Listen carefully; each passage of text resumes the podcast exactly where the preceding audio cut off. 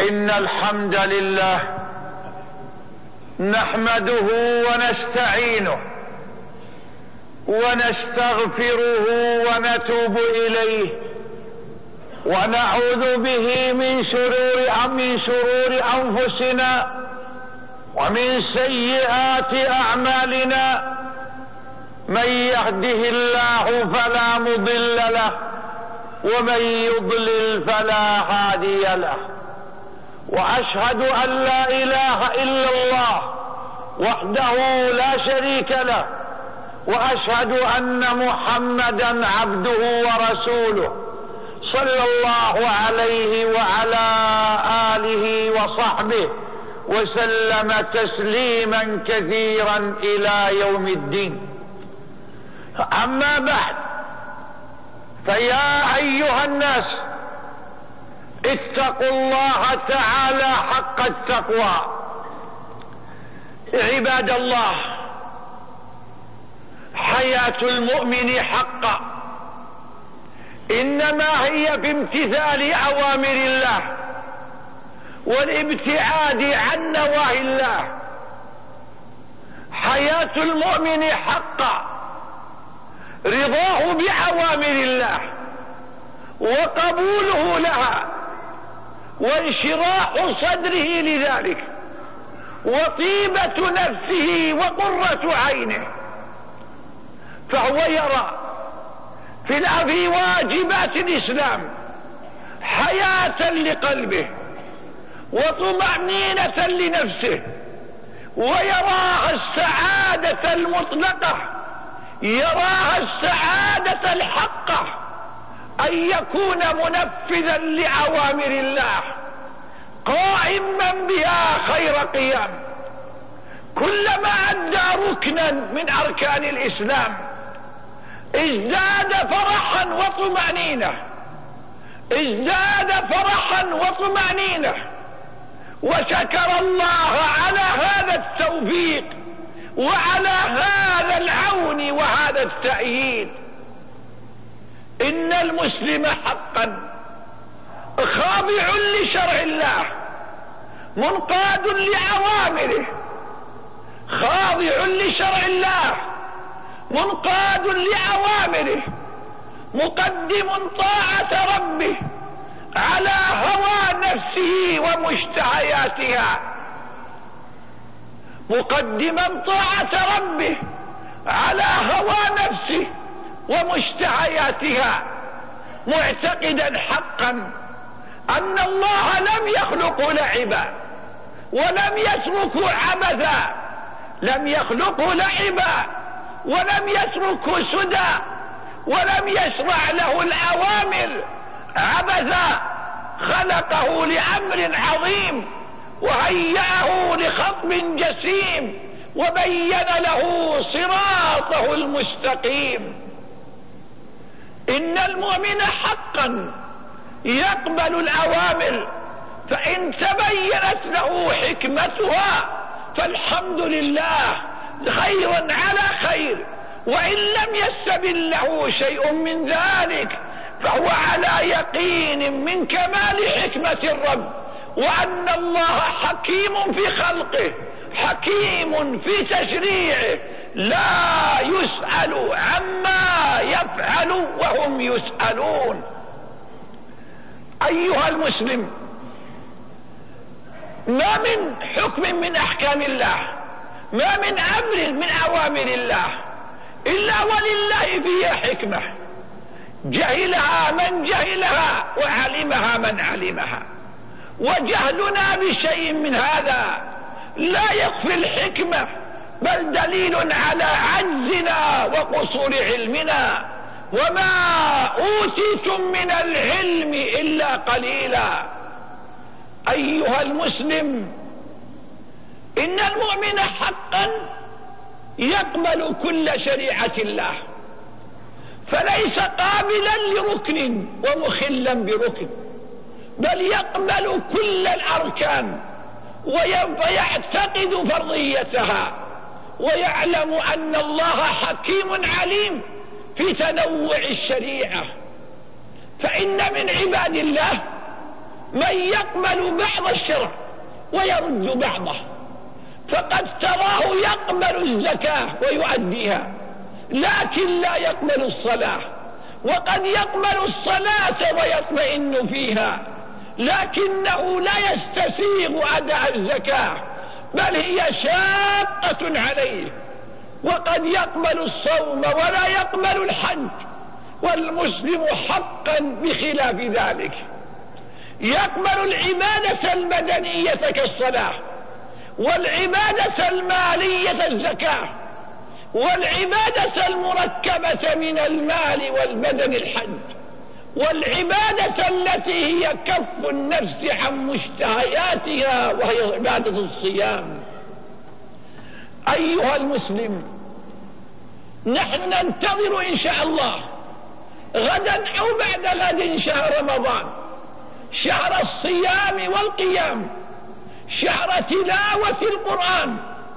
ننتظر هذا الشهر بفارغ الصبر. ونسأل الله إذ قربنا من أيامه أن يبلغنا صيامه وقيامه وأن يمدنا فيه بعونه وتوفيقه وأن يرزقنا فيه الجد والنشاط والعمل الصالح الخالص لوجهه الكريم فضلا منه ورحمة وهو ذو الفضل العظيم. معشر المسلمين إن الله جل وعلا تعبد عباده بفريضة الصيام. فجعل الصيام عبادة لجميع المؤمنين قديما وحديثا. عبادة لجميع أتباع الأنبياء قديما وحديثا. يا أيها الذين آمنوا كتب عليكم الصيام كما كتب على الذين من قبلكم لعلكم تتقون. فتأمل أخي قوله يا أيها الذين آمنوا يخاطب الله أهل الإيمان السامعين المطيعين المستجيبين لله ورسوله. يا أيها الذين آمنوا كتب وفرض عليكم الصيام وتعبدتم بهذه الفريضة ولستم بدعا من الأمم فإن الصيام عبادة لله قديمة. تعبد بها أتباع الأنبياء قبلكم كما تعبدتم بهذه العبادة. لكن لأمة محمد من الفضل والخير العظيم في هذا الشهر ما ليس لأمة قبلهم فضلا من الله والله ذو الفضل العظيم. أيها المسلم عبادة الصيام عبادة لله. عبادة يتقرب بها المسلم إلى الله. عبادة يكف فيها المسلم عن الطعام والشراب ومواقعة النساء. طاعة لله منذ طلوع الفجر الثاني إلى غروب الشمس. طاعة وقربة يتقرب بها إلى الله. إن هذه العبادة أعني عبادة الصيام بين الله حكمته من شرعيتها والغاية منها بقوله كما كتب على الذين من قبلكم لعلكم تتقون فذكر السبب لذلك وهو حصول التقوى. أجل أيها المسلم كل عبادة لله بها تقوى الله. ولكن للصيام مزية. في هذا الجانب إذ الصيام عبادة سرية بين العبد وبين ربه. لا يعلمها إلا هو. فقد يخلو المسلم بالطعام والماء والنساء. في موضع لا يعلمه إلا الله. ومع هذا فما في قلبه من الإيمان. وما في قلبه من التقوى. وما في قلبه من علم كمال علم الله واطلاعه عليه وعلمه بسره وعلانيته يجعله يترك تلك المشتهيات طاعة وتقربا إلى الله ولمن خاف مقام ربه جنتان. إن الصائم يحقق له الصيام جانب التقوى. فهو إذا اشتد العطش به وعالمه الجوع وهو قادر على تناول تلك المباحات. تذكر عظيم نعم الله عليه والنعم إنما تعرف عند فقدها. فيتذكر نعم الله عليه العظيمة فيزداد شكرا لله. ويذكر الفقراء والمعوزين فيواسيهم ويواسيهم ويرمد جراحهم. إنه حقا يكف النفس ويروض النفس على الكف والانزجار ويكون آخذا بزمام نفسه غير مطلق لها العنان على ما تهوى. إنه حقا يسبب له الرغبة في الخير. فسلطان الشهوة سلطان الشهوة سلطان الهوى قد ضعف. وسلطان الهوى قد ضعف ومجال الشيطان مجال الدم قد ضعفت بالصيام. أيها المسلم إنها أيام معدودة لم تكن العام كله ولا نصف العام ولا الثلث ولا الربع ولا السدس ولكنه شهر من اثني عشر شهرا أياما معدودات. وإن الله لطيف بالعباد. فلم يكلفهم ما لا يطيقون فأباح للمسافر والمريض الذي يزيد الصوم مرضه أو يؤخر برأه الصيام.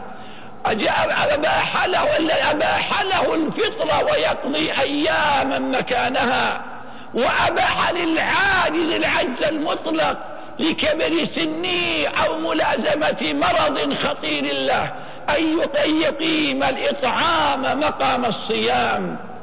أيها المسلمون فرض الصيام على محمد صلى الله عليه وسلم في العام الثاني من الهجرة فصام صلى الله عليه وسلم تسع رمضانات.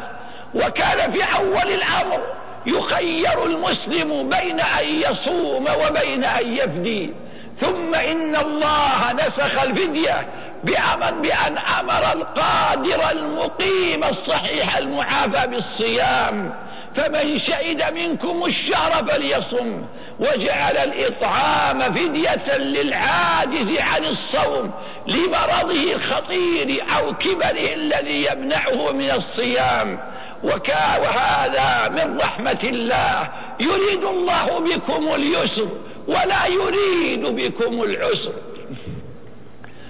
أيها المسلم أيها المسلم إن من تأمل كتاب الله وسنة رسوله صلى الله عليه وسلم يرى أن الصيام على أنواع فالمسلم المقيم القادر الخالي من الموانع مسلم بالغ عاقل مقيم سالم من الموانع يجب عليه أن يؤدي الصيام في رمضان أداء.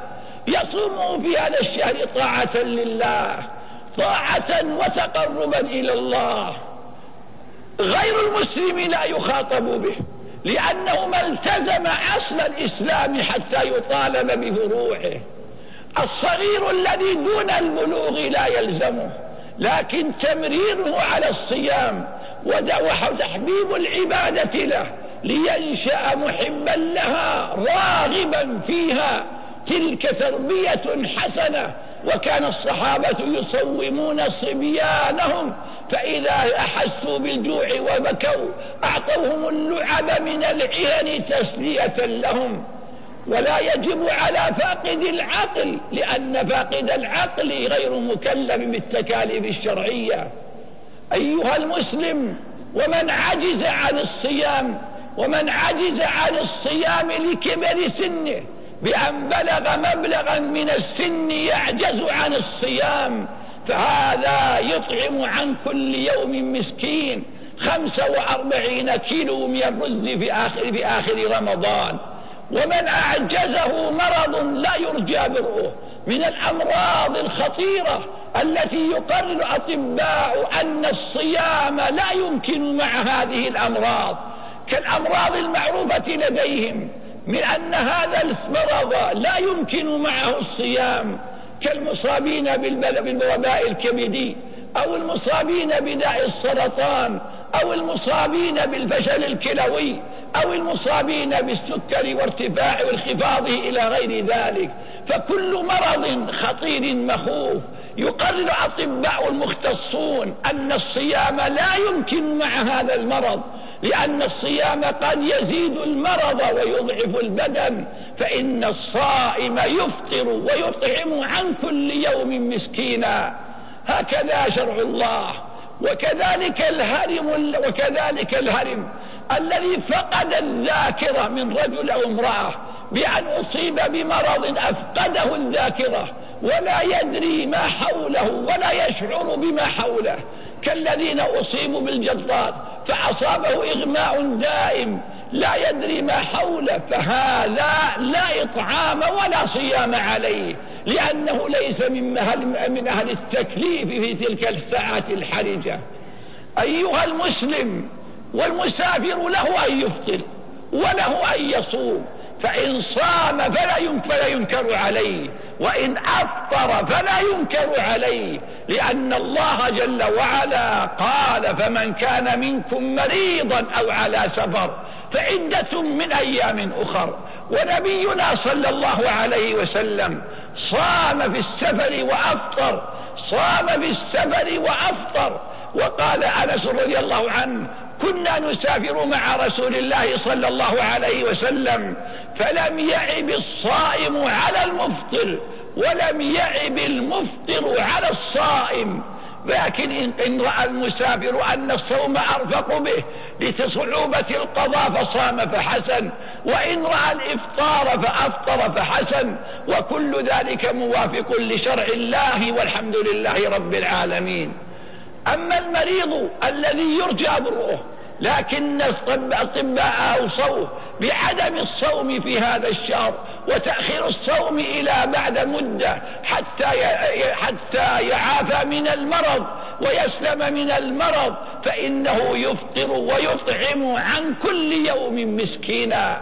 أي خمسة وأربعين فإنه إذا قرب أما المريض الذي الذي قرر الأطباء أن المرض أن الصوم في هذا الشهر يضعف قوته أو يؤخر برأه لكنه مرجو برؤه بتوفيق من الله. فهذا يفطر ويقضي بعد ذلك أياما أخر لقوله فمن كان منكم مريضا أو على سفر فعدة من أيام أخر ولا يجوز للمسلم أن يصوم والصوم يهدد حياته لأن هذا من قتل النفس. والله يقول ولا تلقوا بأيديكم إلى التهلكة والمرأة الحامل والمرضع لها أن تفطر أن يفطر. إذا إذا تعبت الحامل من حملها أو شق على المرضع إرضاع ولدها وخافت من من من تقلص اللبن ونحو ذلك فلها الفطر وأن تقضي بعده أياما أخر. أيها المسلمون شرع الله كله يسر. يريد الله بكم اليسر ولا يريد بكم العسر. ما جعل عليكم في الدين من حرج.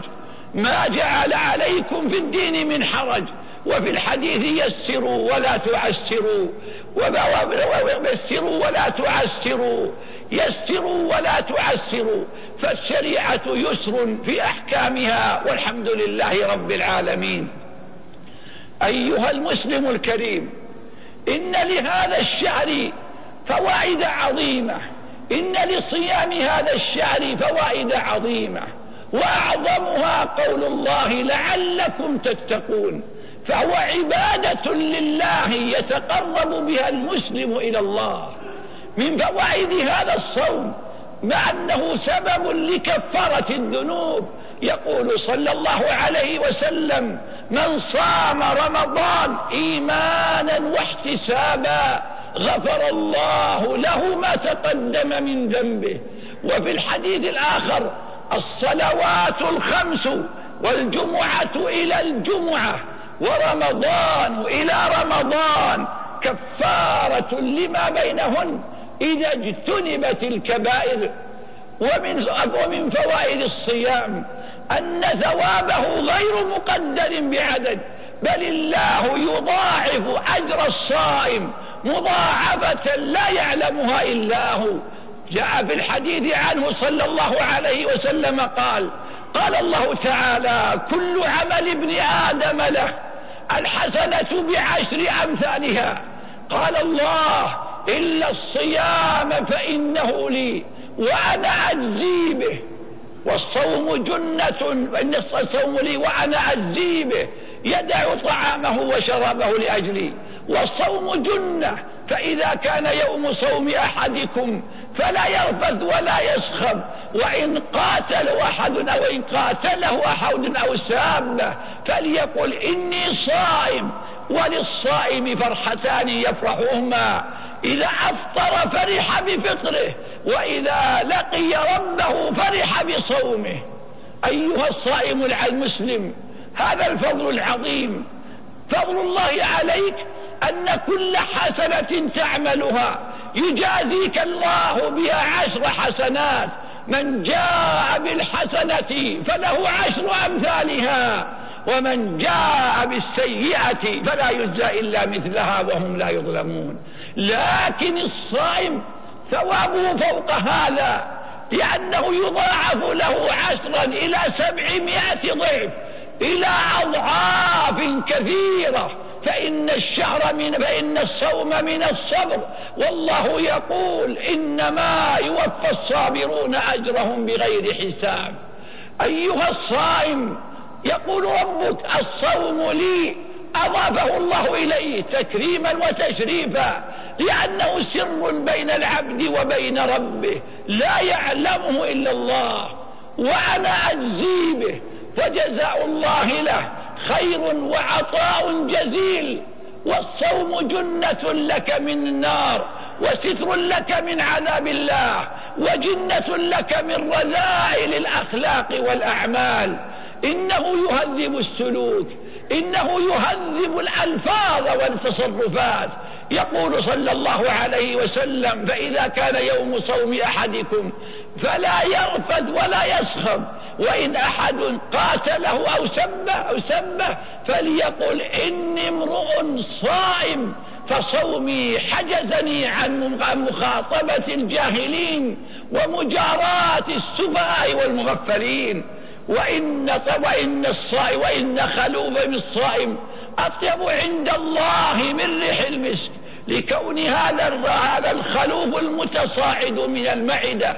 بعد خلوها من الطعام والشراب مكروها في مشام الناس لكنه عند الله أطيب من ريح المسك لكونه ناشئا عن طاعة لله. أيها الصائم المسلم إن هذا الشهر العظيم موسم لاغتنام الخيرات وتجديد توبة النصوح والتخلي من المخالفات أيها الصائم اسمع نبيك صلى الله عليه وسلم وهو يبشرك بهذا الشهر فيقول أظلكم شهركم هذا بمحلوف رسول الله؟ ما مر بالمسلمين شهر خير لهم منه. بمحلوف رسول الله صلى الله عليه وسلم ولا مر بالمنافقين شهر شر لهم منه بمحلوف رسول الله صلى الله عليه وسلم. إن الله يكتب أجره ونوافله قبل أن يدخله. ويكتب عصره وشقاءه قبل أن يدخله. وذلك أن المؤمن يعد فيه القوت للتقوي على العبادة ويعد فيه الفاجر تتبع غفلات الناس. فهو غنم للمؤمن يغتنمه الفاجر. في هذا الشهر تفتح أبواب الجنة فلا يغلق منها باب. وتغلق أبواب النار فلا يفتح منها باب. وينادي مناد يا صاحب الخير أقبل ويا صاحب الشر اقصر ولله عتقاء من النار. قال صلى الله عليه وسلم يوما وحضر رمضان أتاكم رمضان شهر بركة يغشاكم الله فيه فينزل السكينة ويحط الخطايا ويستجيب الدعاء. فعروا الله من أنفسكم خيرا. استقبلوا شهركم فرحين به مستبشرين بمقدمه شاكرين الله على نعمته. لقد كان سلفكم الصالح يدعون الله أشرا أن يبلغهم رمضان فإذا صاموه دعوا الله أن يتقبله منهم. كانوا يقولون اللهم سلمنا لرمضان اللهم سلم لنا رمضان. اللهم تسلم منا رمضان بالقبول. قال فقال بعض السلف في هذا الشهر يروى في هذا الشهر. من أدرك يروى مرفوعا. من أدرك رمضان صحيحا مقيما. فصام نهاره وقام ما تيسر من ليله وغض بصره وحفظ فرجه وصان لسانه وبكر إلى جمعه وحافظ على جماعته ولم يتعاط مسكرا ولم يقتل مسلما فقد صام الشهر وأدرك ليلة القدر وفاز بجائزة الرب. فيا أخي المسلم وقد أضلك هذا الشهر فكم من ذنوب عملناها وأوزار ارتكبناها وخطايا نسيناها فهذا شهر التوبة والاستغفار وشهر الندم والرجوع إلى الله. فبادروا رحمكم الله بالتوبة إلى الله واعقدوا العزيمة الصادقة على مواصلة العمل الصالح في هذا الشهر وتزودوا فإن خير الزاد التقوى. أيها المسلم كم هناك أيها المسلم احمد الله وأنت صحيح مقيم تستطيع الصيام فكم من عاجز عنه لمرض أعجزه أو كبر منعه وأنت تصوم هذا الشهر مسترا في عافية وسلامة. فاحمد الله على هذه النعمة وتذكر أقواما عاشرتهم ما مضى حيل بينهم وبين هذا الشهر ففارقوا الدنيا وأصبحوا من سكن القبور وأنت في هذه الدنيا تنافس في صالح العمل. فتب إلى الله واستغفر وأكثر من ذكره وتلاوة كتابه العزيز. اللهم أهل علينا رمضان بالأمن والإيمان. والسلامة والإسلام. ووفقنا فيه لصالح الأقوال والأعمال. إنك على كل شيء قدير. أقول قولي هذا وأستغفر الله العظيم الجليل لي ولكم ولسائر المسلمين من كل ذنب. فاستغفروه وتوبوا إليه. إنه هو الغفور الرحيم. الحمد لله رب العالمين. حمدا كثيرا طيبا مباركا فيه. كما يحب ربنا ويرضى. وأشهد أن لا إله إلا الله وحده لا شريك له وأشهد أن محمدا عبده ورسوله صلى الله عليه وعلى آله وصحبه وسلم تسليما كثيرا إلى يوم الدين. أما بعد فيا أيها الناس اتقوا الله تعالى حق التقوى. عباد الله إن الله قال في وصف نبيه ويضع عنهم إصرهم والأغلال التي كانت عليهم.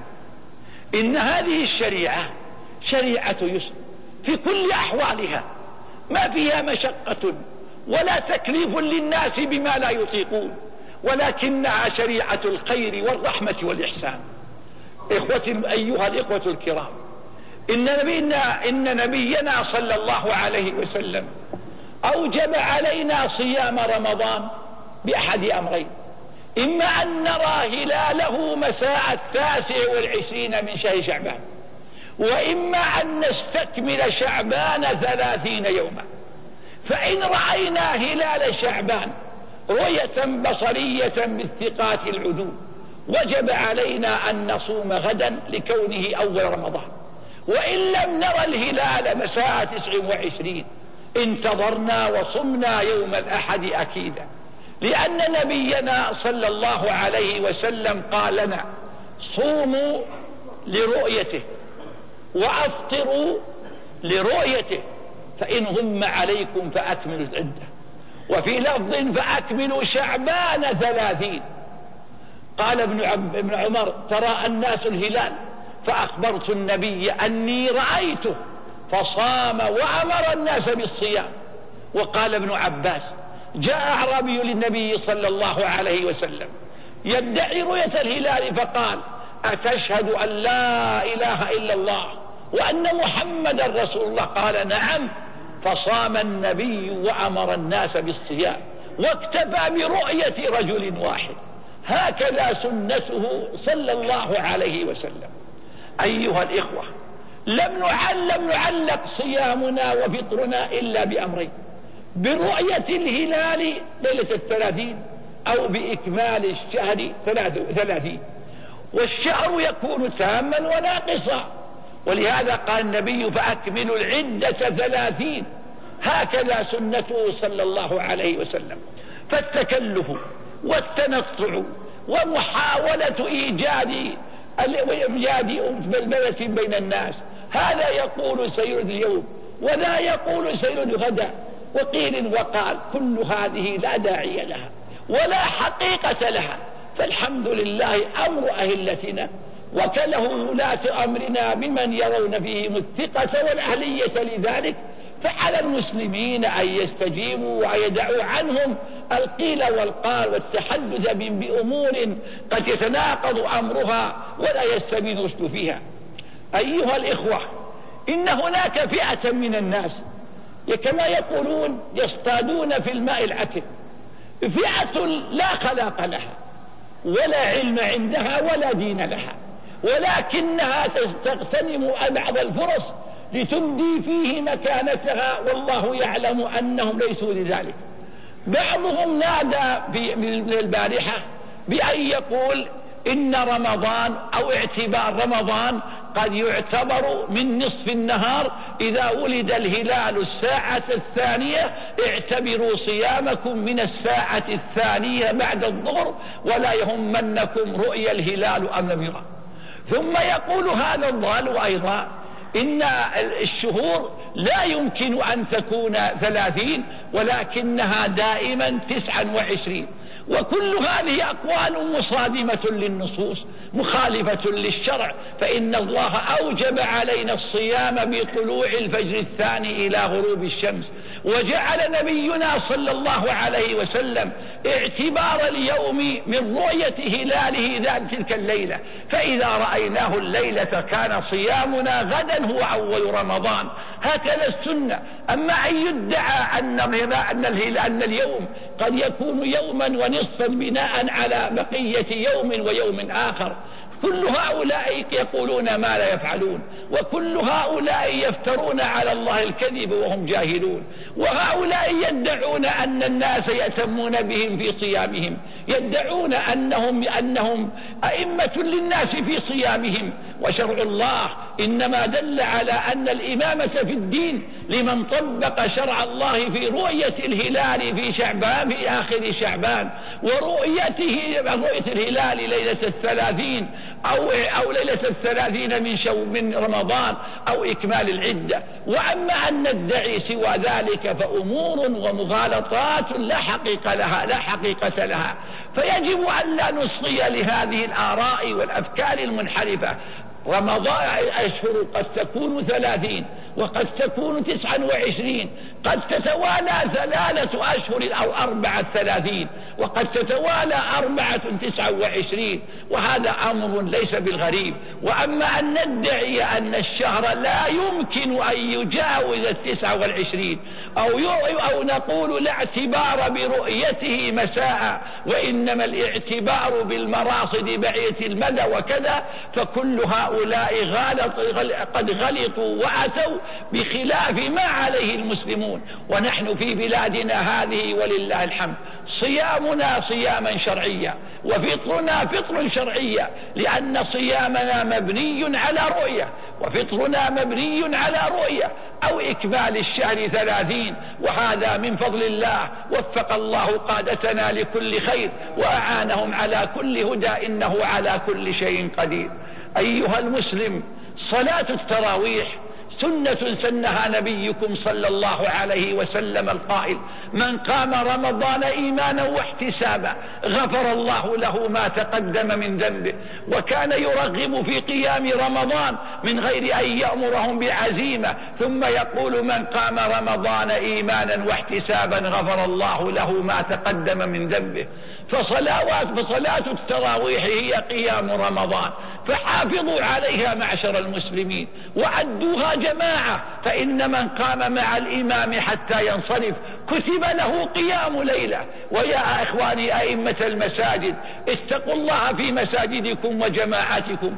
أموا الناس بكتاب الله وحافظوا على هذه الشعيرة. واهتموا بها واهتموا بها وقوموا بها خير قيام. وحافظوا عليها فإن الإمام مسؤول عن إمامته ولا سيما في هذا الشهر الذي فيه صلاة التراويح. فلا ينبغي التهاون والاستخفاف بل يجب الجد والعزيمة والقيام بالواجب.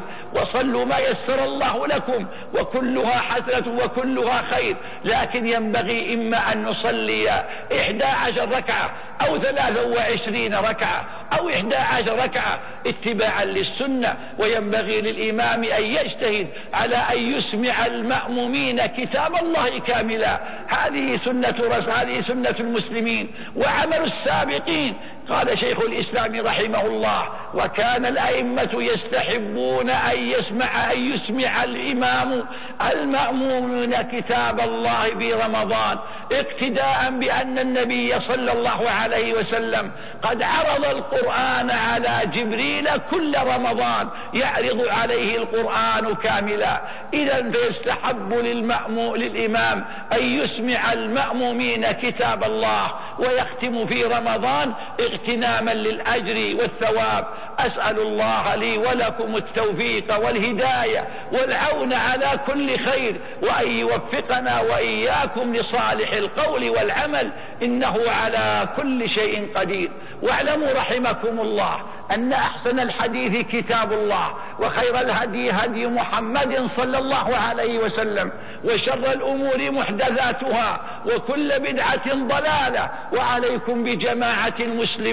فإن يد الله على الجماعة ومن شد شد في النار. وصلوا رحمكم الله على محمد صلى الله عليه وسلم.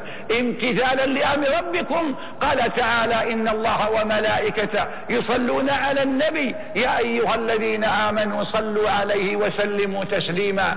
اللهم صل وسلم وبارك على عبدك ورسولك محمد. وارض اللهم عن خلفائه الراشدين أبي بكر وعمر وعثمان وعلي. وعن سائر أصحاب نبيك أجمعين وعن التابعين وتابعيهم بإحسان إلى يوم الدين وعنا معهم بعفوك وكرمك وجودك وإحسانك يا أرحم الراحمين. اللهم أعز الإسلام والمسلمين وأذل الشرك والمشركين ودمر أعداء الدين وانصر عبادك الموحدين واجعل اللهم هذا البلد آمنا مطمئنا وسائر بلاد المسلمين يا رب العالمين. اللهم آمنا في أوطاننا وأصلح أئمتنا وولاة أمرنا اللهم وفقهم لما فيه صلاح الإسلام والمسلمين. اللهم وفق إمامنا عبد الله بن عبد العزيز إمام المسلمين لكل خير. اللهم أمده بعونك وتوفيقك. اللهم كن له عونا ونصيرا في كل ما أهمه. اللهم اجمع به كلمة الأمة. ووحد به صفها واجعله قائد خير وداعية هدى. اللهم جد أزره بولي عهده. صاحب السمرة أبي سلطان بن عبد العزيز. اللهم وفقه لما يرضيك. سدده في أقواله وأعماله اللهم اجعلهم أعوانا على البر والتقوى. إنك على كل شيء قدير. اللهم أهل علينا رمضان بالأمن والإيمان. اللهم أهله علينا بالأمن والإيمان. اللهم أهله علينا بالأمن والإيمان. اللهم أهله علينا بالسلامة والإسلام. اللهم وفقنا فيه لما يرضيك. اللهم وفقنا فيه لما يرضيك. اللهم وفقنا فيه لما يرضيك. اللهم ارحم أمهاتنا. اللهم ارحم أمهاتنا اللهم ارحم أمهاتنا اللهم ارحم آباءنا اللهم اصلح ذرياتنا اللهم اجمع قلوبنا على طاعتك اللهم أعنا من مضلات الفتن ما ظهر منها وما بطن إنك على كل شيء قدير. ربنا اغفر لنا ولإخوائنا الذين سبقونا بالإيمان ولا تجعل في قلوبنا غلا للذين آمنوا. ربنا إنك رؤوف رحيم. ربنا آت ربنا ظلمنا أنفسنا وإن لم تغفر لنا وترحمنا لنكونن من الخاسرين. ربنا آتنا في الدنيا حسنة وفي الآخرة حسنة وقنا عذاب النار. عباد الله إن الله يأمر بالعدل والإحسان وإيتاء ذي القربى وينهى عن الفحشاء والمنكر والبغي يعظكم لعلكم تذكرون. فاذكروا الله العظيم الجليل يذكركم واشكروه على عموم نعمه يزدكم. ولذكر الله أكبر والله يعلم ما تصنعون.